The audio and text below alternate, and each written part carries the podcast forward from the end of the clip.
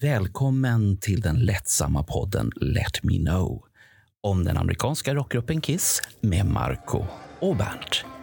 Nu kör vi!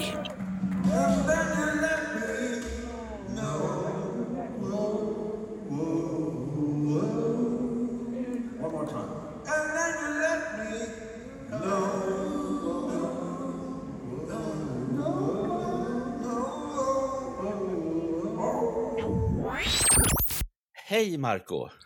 Hej på dig du! Vad Nu gör du. du?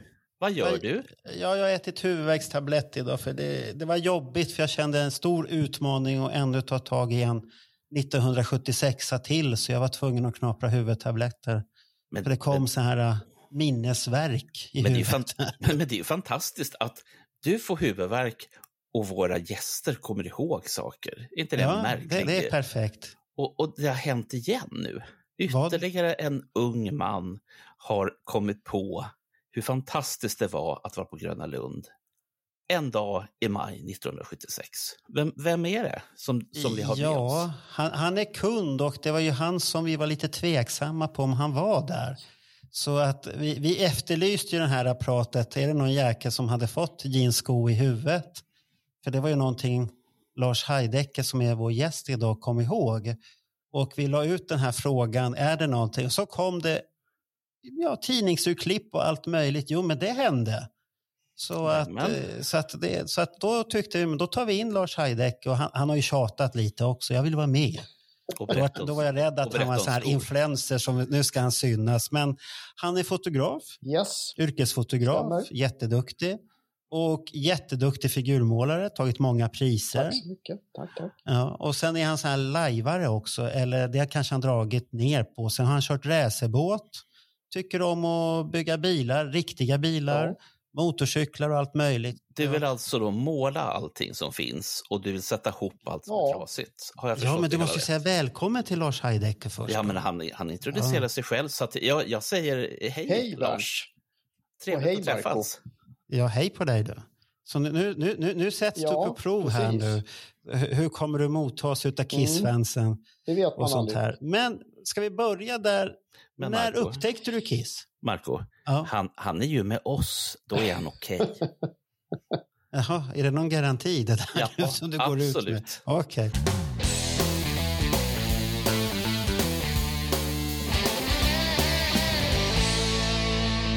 På den tiden som vi pratar om nu så fanns det ju massa poptidningar.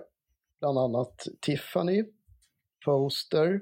Och jag tror att jag såg bilder på Kiss första gången. Det måste ha varit 70, kan det ha varit 74, 75 någon gång tror jag.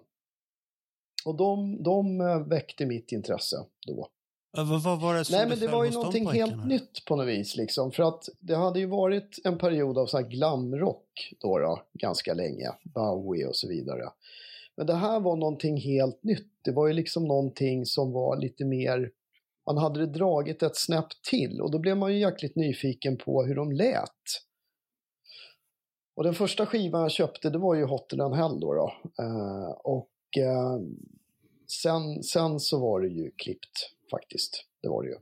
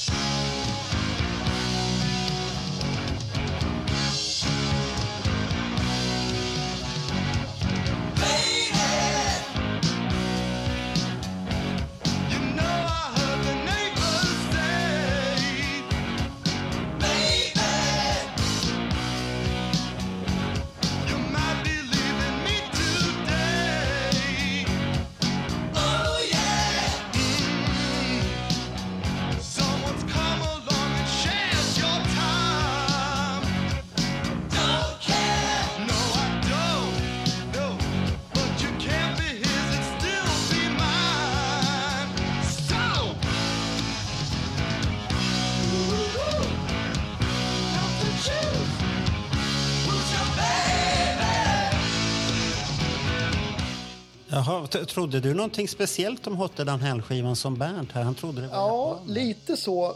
Man undrade ju lite så här, man, man, man hade ju fattat att de var från USA. Det, det, det fattade man ju liksom. Men just det här omslaget som är lite speciellt, det man lite så här, då blev man ju liksom ändå mer nyfiken. Eh, vad handlar det här om? Hur låter det liksom? Eh, så så innan, innan jag hittade Kiss så hade det varit väldigt mycket Bowie. Eh, och eh, jag var faktiskt och såg Bowie i London 70, det måste ha varit 74, 73 eller 74. Ground control to Major Tom.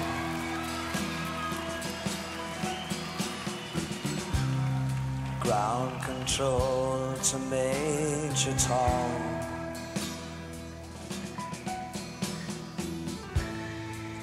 Take your protein pills and put your helmet on. Ground control to Major Tom.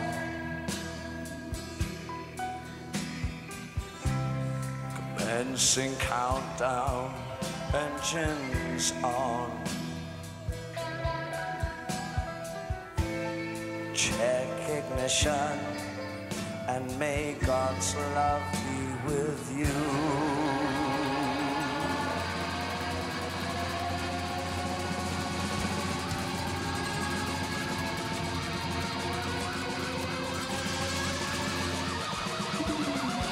Och det var med samma kompis som jag åkte till, eller ja, var såg Kiss 76 på Grönan. Eh, och då åkte man ju dit med föräldrarna och han fick följa med och sen så gick vi på den här konserten och det var ju helt fantastiskt liksom. Det var ju Ziggy Stardust då. då.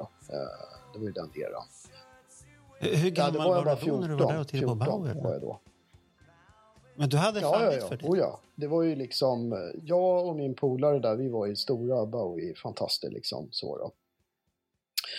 Men sen så då, lite ytterligare innan det så var det väl så att jag hade köpt eh, eh någon Black Sabbath-skiva.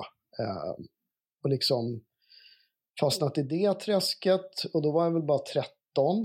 Eh, och sen så då så småningom så blev det ju Alice Cooper 73-74. Och det var ju också häftigt och det var ju så mycket myter om Alice Cooper att han liksom ja, vred huvudet av riktiga kycklingar på scen och det var liksom den här chock, chockrock-grejen som var lite häftig. Men sen var det ju faktiskt jävligt bra musik också. Och när man lyssnar på det här idag så, så inser man ju faktiskt hur jävla bra det var.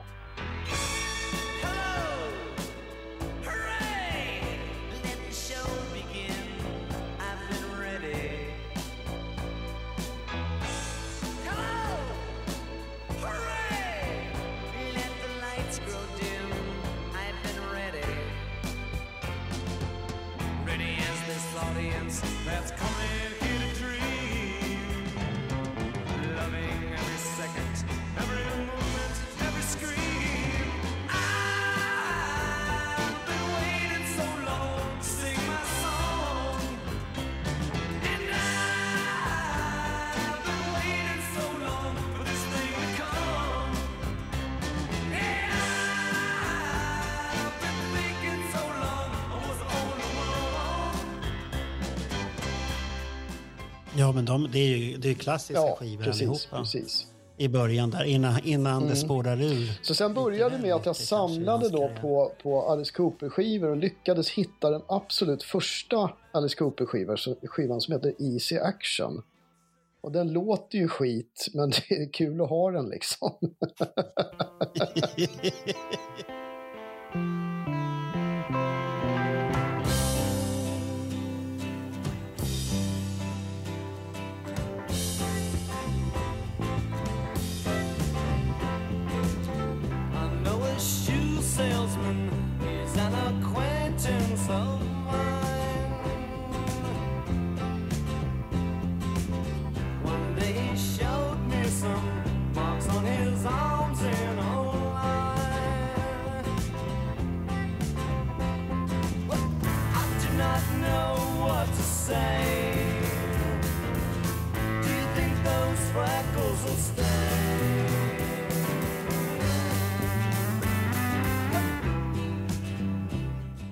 Vilken, vilken period av Alice Cooper gillar du bäst? Är det den som kom där med Million Dollar Babies? Ja, men lite innan million, million Dollar Babies där. Men, men, men lite i den liksom vevan kan man säga. är väl den perioden jag gillar mest. Men, men sen då så som sagt så hittade man ju Kiss och då blev man ju liksom helt sådär, ja, man tyckte det här var ju liksom det häftigaste som har hänt liksom i musikväg på något vis. Så. Och rent sådär estetiskt också liksom att, att de var jävligt balla. Att de hade liksom dragit det här med liksom scenkostymer, sminket, ja men du vet, hela, hela kittet. Det var ju som en, en färdig designprodukt liksom. Ja, men det, det var ju det Ja. som var syftet egentligen. Att det var ett färdigt Precis. koncept som skulle utvecklas på vägen då åt olika Och sen att det håll. lät bra också Men, då. då. Ja.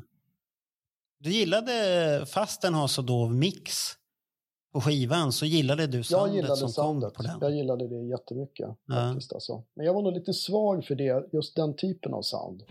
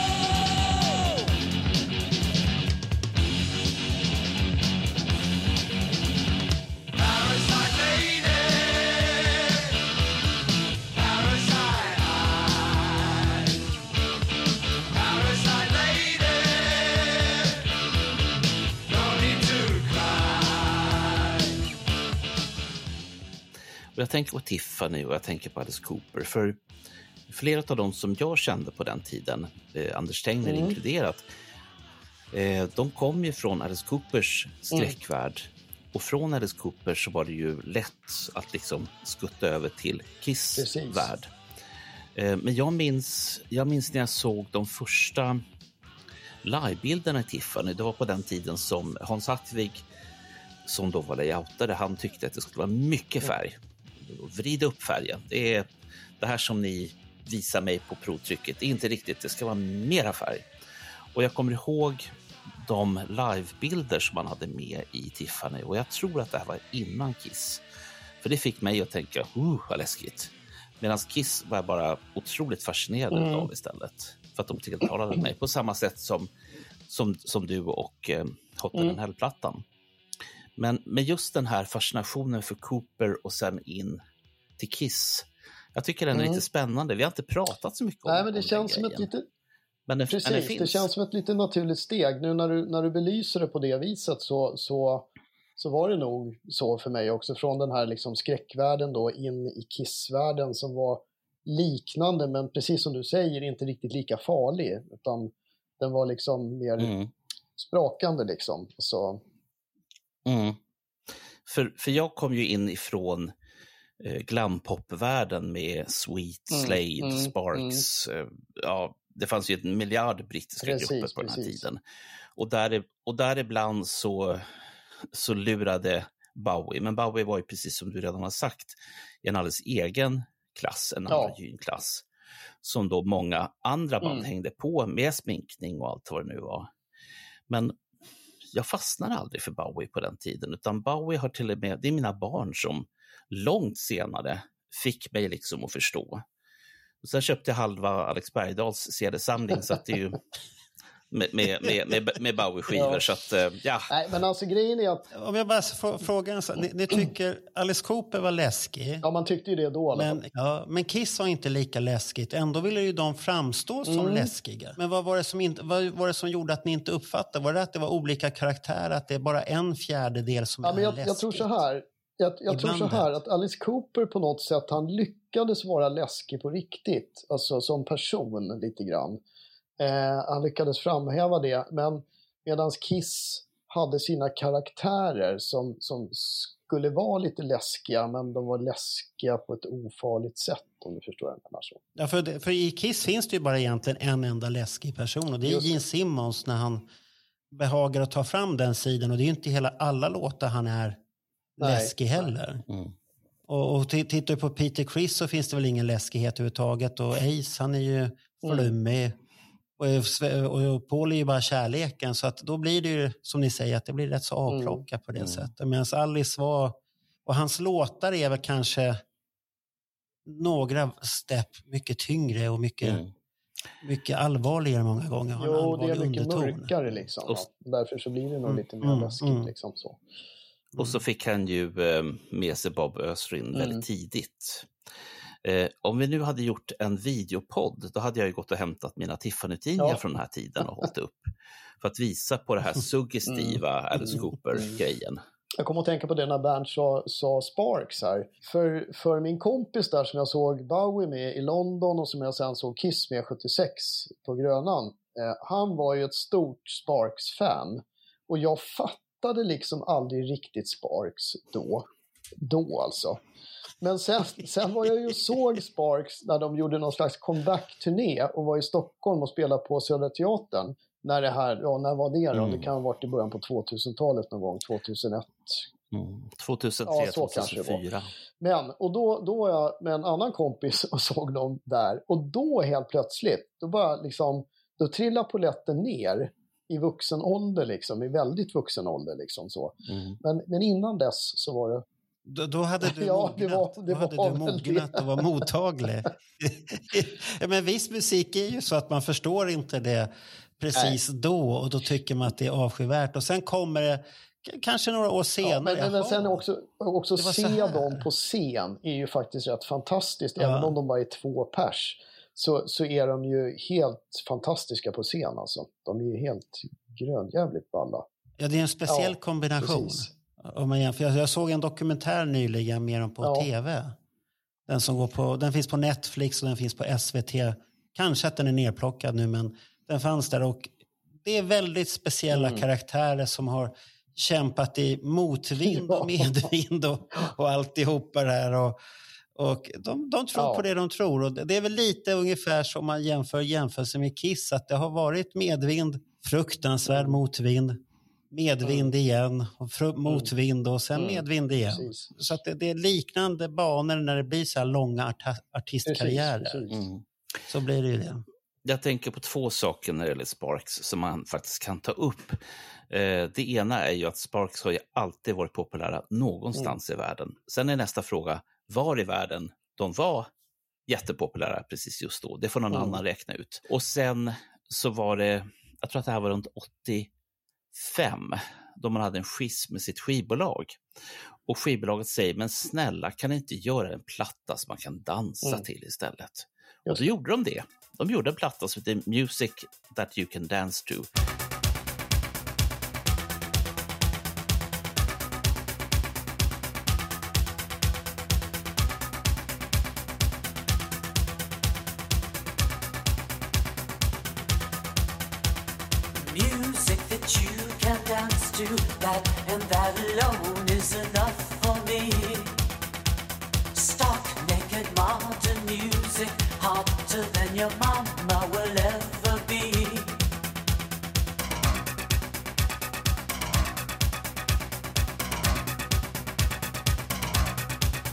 Och den floppade i absolut hela världen. Men de gjorde det som skivbolaget ville ha och då Nej, gick det inte precis. bra. Ja, ja, de, de pratar om den grejen i dokumentären Mm. precis. Ah, Och han, skivbolagsdirektören var inte glad. Jag för mig till och med att de fick sparken från skivbolaget. Har jag för mig, något sånt där. var, var resultatet. Men om vi, om vi återgår nu. Att, nu har du skaffat den här... um, köpte du Hatte den här Fått den en helg, ja. Ja, ja. Absolut. Och när du lyssnar på den, vad, vad, vad, fick du några favoritlåtar direkt? Eller? Ja, alltså det var liksom, alltså jag tror jag lyssnade igenom hela skivan, alltså hur många gånger som helst. Jag tror inte jag fastnade för någon speciell låt, utan det var liksom hela soundet på något vis och liksom grejen med den som, som, eh, som jag fastnade för liksom. Så. Och så tänkte jag det liksom att någon gång måste jag få se de här live. Och sen kom ju 76 där och då... Hur, hur fick du reda på att de skulle komma då? Såg du dem i Det var väl någon annons i någon tidningen, annons, tror jag. eller? Ja. Mm. Och då, då ringde jag ju naturligtvis direkt till min polare.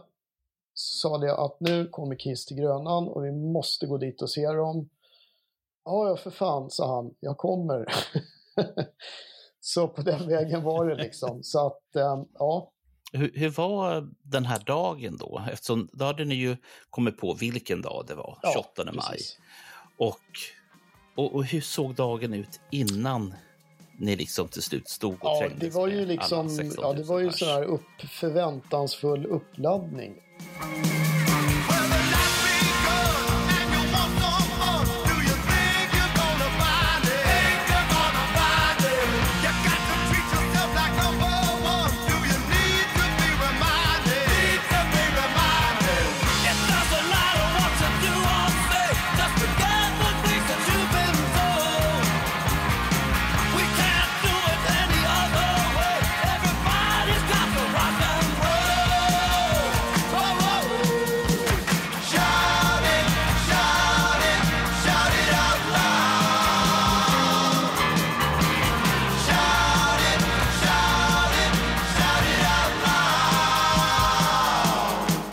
Sen så, så småningom då så sa vi det att nej men vi åker nu liksom för att vi måste vara där tidigt för vi vill stå så långt fram som möjligt för det kommer bli jättemycket folk. Så vi drog väl iväg så tidigt som möjligt där som vi kunde då och sen så, så åkte vi Djurgårdsfärjan över. Och redan när vi kom till, till eh, entrén där så såg vi att det var ju packat liksom. Och massor med, och det hade man ju sett på bilder då i tidningar att, att mycket sådana här fans då sminkade sig som sina liksom, karaktär, favoritkaraktärer i bandet liksom. Så det var ju hur mycket folk som helst som var sminkade. Det var ju inte vi då, utan vi var ju som vi var liksom. Eh, och eh, i alla fall så ja, så pröjsade vi in oss där och sen så, så, så drog vi oss bort mot scenen. Och då fick vi faktiskt jäkligt bra platser långt fram där. Och så var det ju då så här kravall, kravallstaket med ett dike mellan då scenen och... Mm. Men kom ni framför Nej, nej, kravallstaketet vi eller var ni bakom, bakom? kravallstaketet. Ha- Hade du platå? Ja, det hade jag faktiskt. var, det, var det äkta? Eller Nej, var nej, nej, det var äkta. Jag har dem kvar faktiskt. Jag köpte dem på Sko-Uno tror jag 73 redan. Det är så här riktigt höga platådojor med, med sån här skiktad platåsula i fram. Och så är de silverfärgade med en sån här örn på ovansidan i blått och silver. Så sådana platådojor boots hade jag då på den tiden. De där känner Ja. jag igen. Ja, fast- ja, det var det jag, när du började säga den där örnen, då började det bli så här, det där Mm. har jag nog sett för Ja, fan ja. någonstans i sådana fall. De där skor. Säg inte att du hade sådana Bernt.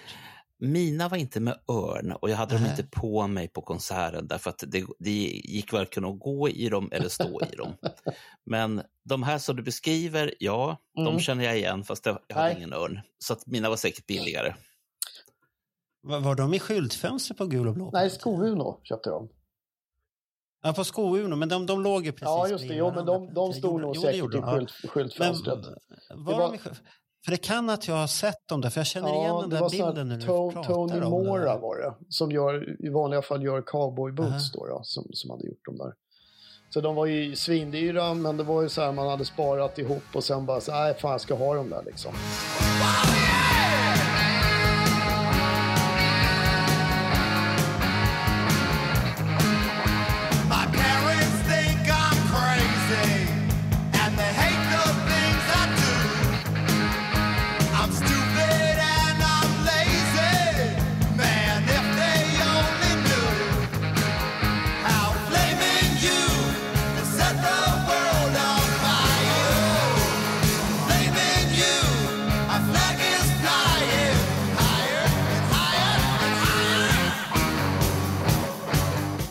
Nej, men jag har dem kvar faktiskt och det, det är faktiskt rätt kul att ha dem kvar.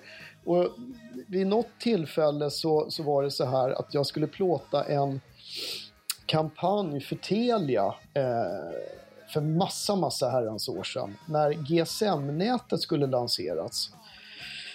Eh, och då så, så gjorde vi bilder med, det var liksom payoffen var typ så här, har du utsvängda byxor också? och då, då plåtade vi liksom Jaha, utsvängda byxor och då lånade jag in mina platådojor också. Och då var det någon på reklambyrån som fick se dem där och blev helt ifrån sig och sa jag måste få köpa dem där utav dig. Nej, så jag säljer inte de här för de har liksom affektionsvärde för mig. eh, Det är liksom, eh, ja nej, nej men, och så han höjde budet liksom så till slut var det uppe på 15 000. Jag sa jag släpper dem inte, glöm det liksom. De, de har varit De på har varit på Grönan och sett Kiss. Jag tror till och med att jag Ja, sa fan, det det- faktiskt det- till honom faktiskt då. Att det här är riktiga, det här är Ja, minnen. De ska ner i graven. Exakt, vikingagrav sen. Ja. ja, ja. Men sen när du var där på konserten, du och din kompis där. eh, Kommer du ihåg någonting, vilken sida ni var på scen? Eller Vi sånt stod ganska stod långt till vänster faktiskt, gjorde vi.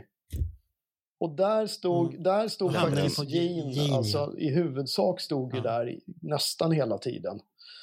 Eh, och, så. och det var, ju, det var ju en sån här upplevelse då liksom när de började spela liksom den där presentationen, The Greatest Band in the World och så vidare. Och sen så när de verkligen kom in på scen, det var ju så bara wow. Kommer du ihåg någonting mer där? Någonting som var chockartande? Nej, eller? det var ingenting som Utan när de kom in, de här smäll, smällarna det eller något sånt där? fattade man nog, eller liksom det förstod man nog att det skulle komma lite sånt. Så det, jag tror inte att man blev rädd eller så, utan det var bara häftigt. Och verkligen få Ja. se dem på riktigt liksom. Det här är Kiss liksom. This is it. Trä, trängdes det på mycket? Ja, det då? gjorde det nog. Ett tag i alla fall. I början så tryck, tryckte det på lite bakifrån. Men sen lugnade det ner sig när de hade spelat en stund liksom. Ja, det var när Bernt hade varit och klagat och lugnade de Mm.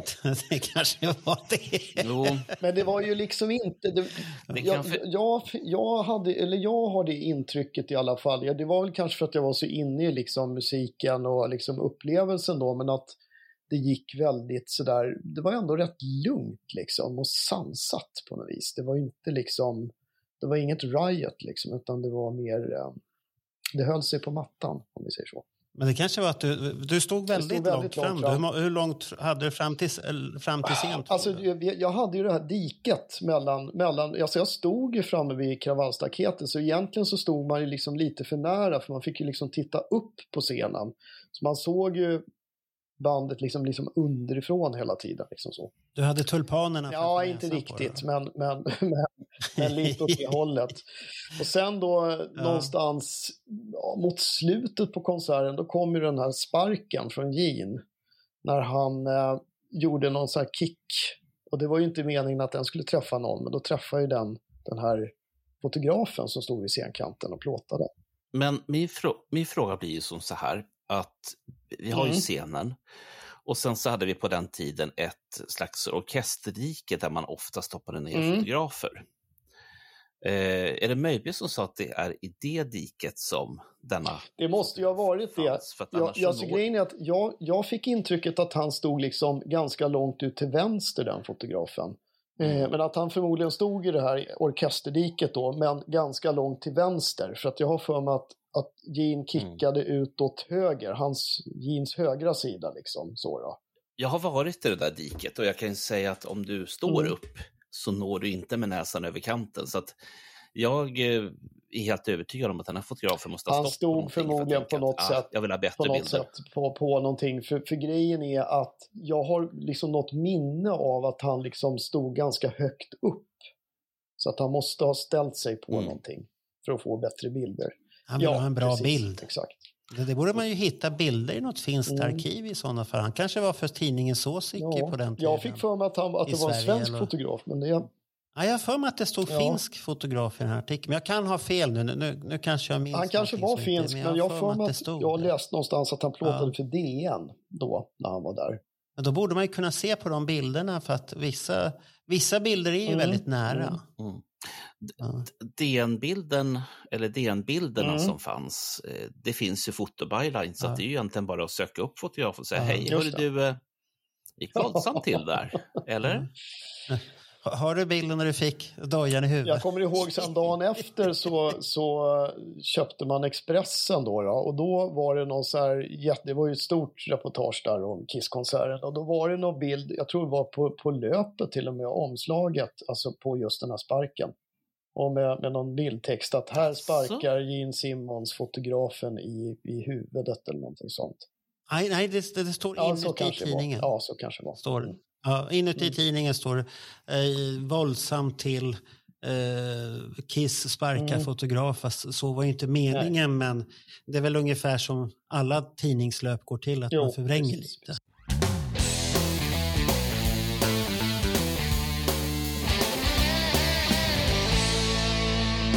Men konserten i sig själv, är det något speciellt du kommer ihåg om eldarna och allt Nej, men här? alltså, det, var så, det, var så, alltså, det var så övermäktigt på något vis att jag har inga speciella sådana såna referenser så, men, men det var väl liksom just det här, liksom hela showen. Det var, det var liksom, man var ju så himla starstruck liksom av att få se Kiss på riktigt. Så det var inget så specifikt som fastnade Mm. utom den här sparken. Nej. Det var ju det då liksom. Ja, ja. Men, men så, såg du hela Ja, ja, konserten ja, det är klart jag sen? gjorde det. Jag såg Du hela. såg hela? Ja, du var inte som Bernt som har smet därifrån för att få Nej, nej. Och... Så långt, så långt tänkte man nog inte, för då, då tänkte man att nej, men det är omöjligt. Det, det går inte liksom sådär. Så att man stod ju kvar och kollade tills det var slut liksom. Så.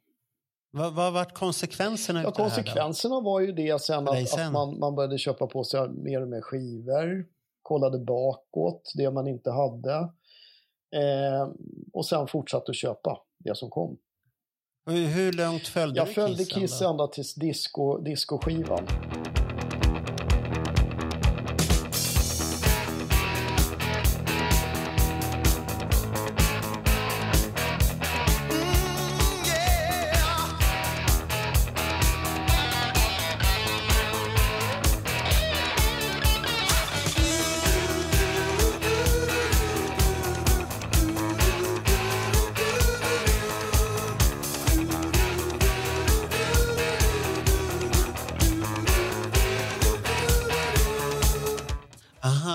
Dynasty, då- okej. ja, 79. Då, då kände jag att nej, det här är inte Kiss längre.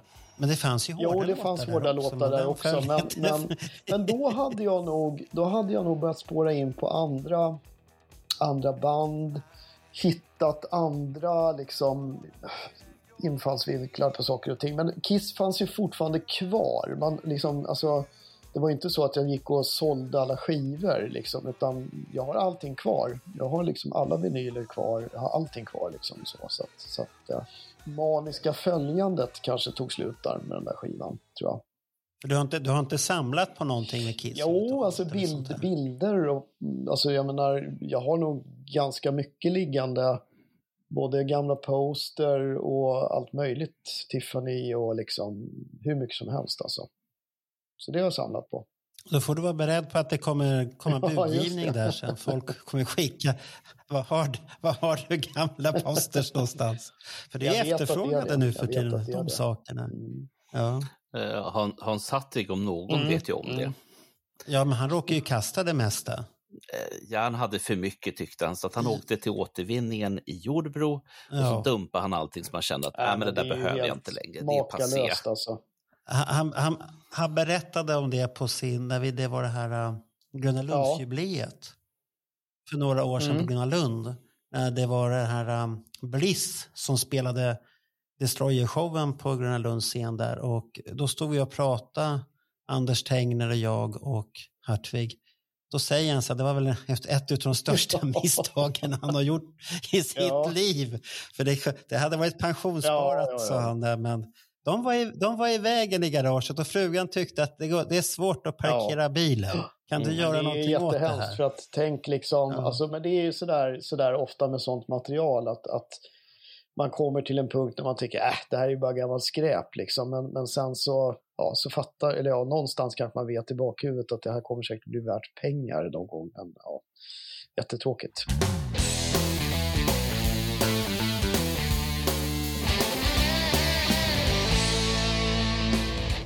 Har, har, jag, du har du tänkt någonting på Kiss i framtiden? Ska du gå och se Kiss i Dalhalla nu, sista spelningen i Sverige? Nej, eller? det kommer jag nog inte att göra. För att, av rent så logistiska skäl att jag inte kommer att hinna göra det. Jag hade nog helst, ja, skulle gärna velat kanske, men, men eh, det ligger ju ganska nära mitt sommarställe också då. Så, så, men jag kommer tyvärr inte hinna det.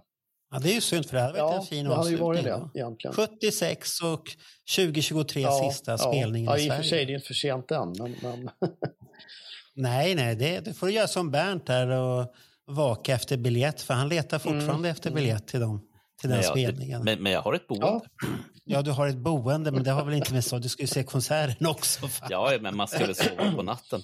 Eh, Ja, ja. Lars, jag har en Ja. liten fråga till dig om vi Mm. backar tillbaka en hislig massa år. Eh, och så går vi till den här skivan som jag för mig många kallade för Dynasty Mm, på den tiden. Eh, va- vart, vart tog musiken dig det året? 79-80 när du... Vad, vad gick du och köpte ja, då hade jag nog liksom helt plötsligt upptäckt eh, Led Zeppelin jättesen.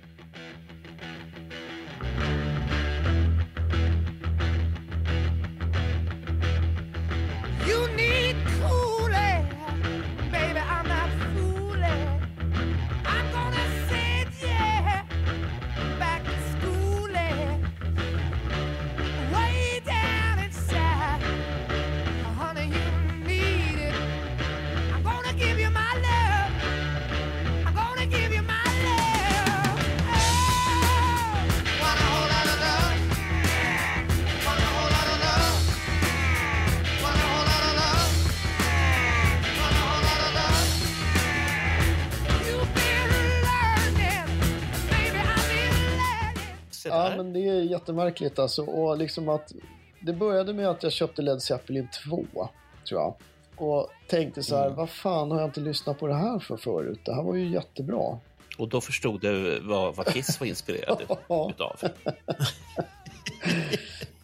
Som gamla Kiss-skivor Ja. lite grann. Ja men faktiskt. Och sen så, ja men så vart det Led, Led Zeppelin där ett tag och sen så massa andra band. Och sen, sen, sen vart det ju lite sådär, när vi kommer in sen på 80-talet så vart det ju lite så här retro, retro glam liksom. Det kom ju massa bra band där som, som eh, Bla- Bland annat, ja du har ju i den här kom inte Andy Scott med några soloplattor eh, som inte finns strömmande. Jag vet en som heter Kruger Rans, en singel. Ja, just det. det ja, det precis. smått Ja. Nej, men och sen, ja, men det var ju massor av band där som var, som var bra. Liksom. Så, så, Vad, vad, lyssnar du på idag då? väldigt Mest? blandat alltså. Otroligt blandat. Ehm, jag kan lyssna på Kiss till exempel. Gärna Hotter than Hell-plattan. Ja, you name it alltså. Jag, jag har en otroligt bred Mm. musiksmak egentligen alltså. Men, men, men hårdrocken så att säga, den ligger mig väldigt varmt om hjärtat liksom. Så då. Jag tycker, Go, jag tycker Ghost är, det är ingen bra så här- faktiskt. Alltså. Det vet jag att det finns folk som inte... Ja, det har du Ja, tjatat ja, om i butiken där ja. Men Melodifestival och sånt, det är Nej det är då, det kan jag titta på. Det kan jag absolut titta på. Ja, Du ja, kan visst. titta på. Okej, ja, då, blir Bernt, då blir Bernt glad där nu. Va? För han är ju mello, mellofreak Ja, Jag har en, en, en gammal kompis i Göteborg som hatar Mello och han, han, liksom, han går nästan i, gömmer sig under en filt de dagarna när det, när det är sådana finaler. Eh, men hans syrra är ju då sån här riktig Mello-fantast. Och då passar han alltid på att ringa och störa henne. Och speciellt då när det är någon spännande omröstning och sådär. Så. Är det det man ska göra med dig Bernt? Man ska ringa precis då.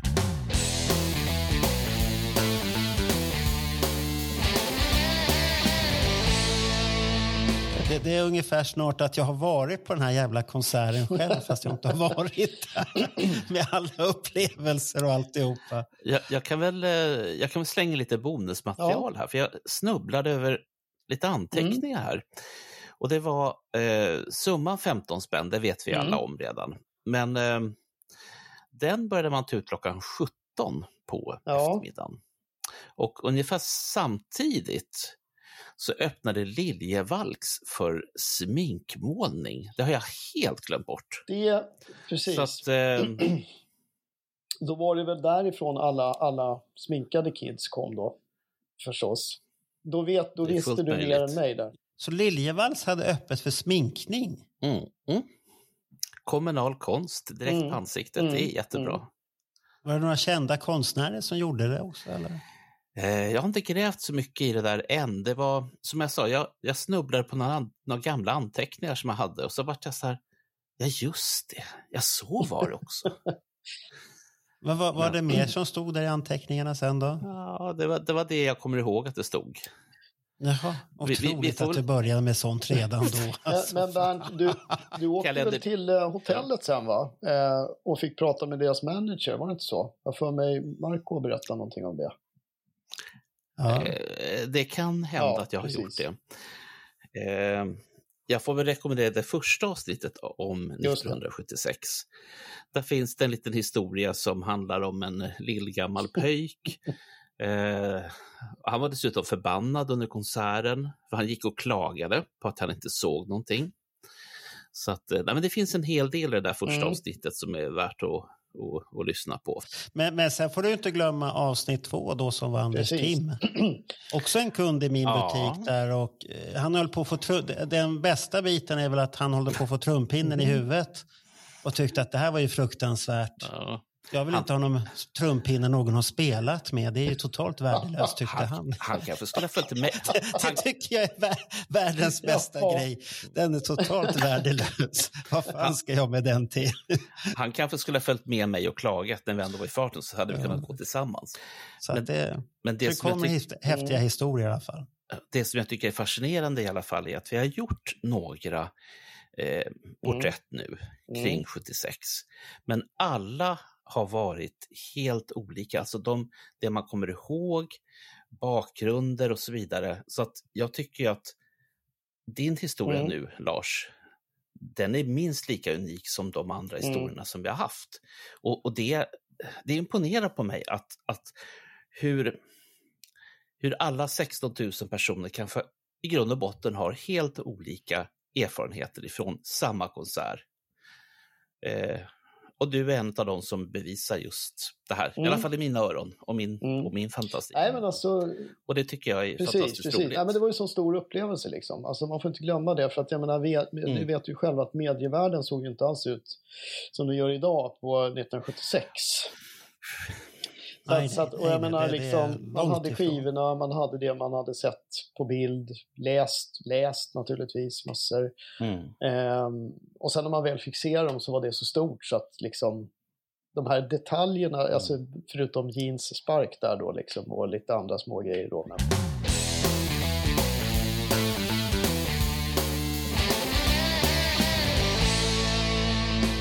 Eh, något år senare så drog Anders Teiner med mig upp på Expressens Mm. redaktion. Och eh, vi såg till att få prata med Mats Olsson. Och den här gången så var det Anders som var på. Och så sa han det, att, men du, tycker du verkligen att Kiss är så dåliga som du skrev? Eh, och då säger ju Mats Olsson på sin fina malmitiska eller, eller lundiska svenska att eh, Nej, alltså de, de är ju inga mästerverk, men eh, nej, så dåliga var de inte. Ja, men, varför skrev ni det för? Ja, man gick dit med någonting i, i tankarna och, och så vart det så. Men men jag, jag tyckte att det där var fascinerande för att det var första gången som jag har fått höra en recensent säga att ja, det vi skrev kanske inte riktigt var Men det var Ja, inte tillräckligt nej, fint. nej, det, det, det det var där väl det liksom. Det, det var inte Nej. tillräckligt fint. Det fanns ju så mycket annat. Det, det, är ju- det är ju som vissa pop, ja, det finns ju vissa popartister man kan idag fråga sig varför de får så mycket Mm, hyllningar. mm. Men det är, det är pengar som styr, skivbolag styr och Ja, sånt det. här. Och, och idag är det väl ännu Idag tuffare är det kan jag mycket tänka tuffare. mig. Alltså, och Mm. Det vet man ju framförallt eftersom jag har plåtat jättemycket skivomslag. Det snålas något så fruktansvärt alltså i musikbranschen så att det är grönjävligt. Och då är det ändå rätt stora Ja, gla, glada 80-talet ja, är då är det förbi. stora artister ändå liksom som jag har plåtat som, som, Ja. som ja. Och det Mm. finns inga pengar och det, allting ska vara gratis och man ska släppa pressbilder fria och det bla bla bla. Liksom. Det här eh, påminner mig faktiskt lite grann om, vi pratade lite om Melodifestivalen, men eh, Eurovision, eh, det finns det österrikiska bidraget som är på engelska. som jag tror att titeln är Who the hell is Edgar Allan Poe? Eh, Och vi vet ju Mm, vem mm. det var. Eh, Men den går i princip ut på att det finns inga pengar. till det. Mm. Allt ska vara gratis. Man pratar om att man får, ja, de påstår i låten i alla fall att man får 0,000003 öre per, per spelning. Och så finns det en hel del andra saker som Mm. handlar om att eh, ja, att ska det hända någonting då, då måste du ha din egen Mm. A&R, Mm. det vill säga artistrepresentant på, på skivbolaget. Eh, den, eh, den låten har en hel del Mm. att komma med ifall man nu vill Mm. vara seriös och allvarlig för Mm. några sekunder. Sen att den är rolig och mycket trams i den, men den, den har en väldigt allvarlig underton som jag inte har sett speciellt Nej. ofta i Nej. musikbranschen. Att man, man tar verkligen och river fram och säger att titta, Ja. så här är det. Nej, men jag kan bara ta, Ska, ta ett exempel lite snabbt bara. Nu kommer vi ifrån ämnet här lite grann, Kiss 76. Men, men när vi pratar om Mm. musikbranschen då. då eh, jag plåtade The Arcs första albumomslag.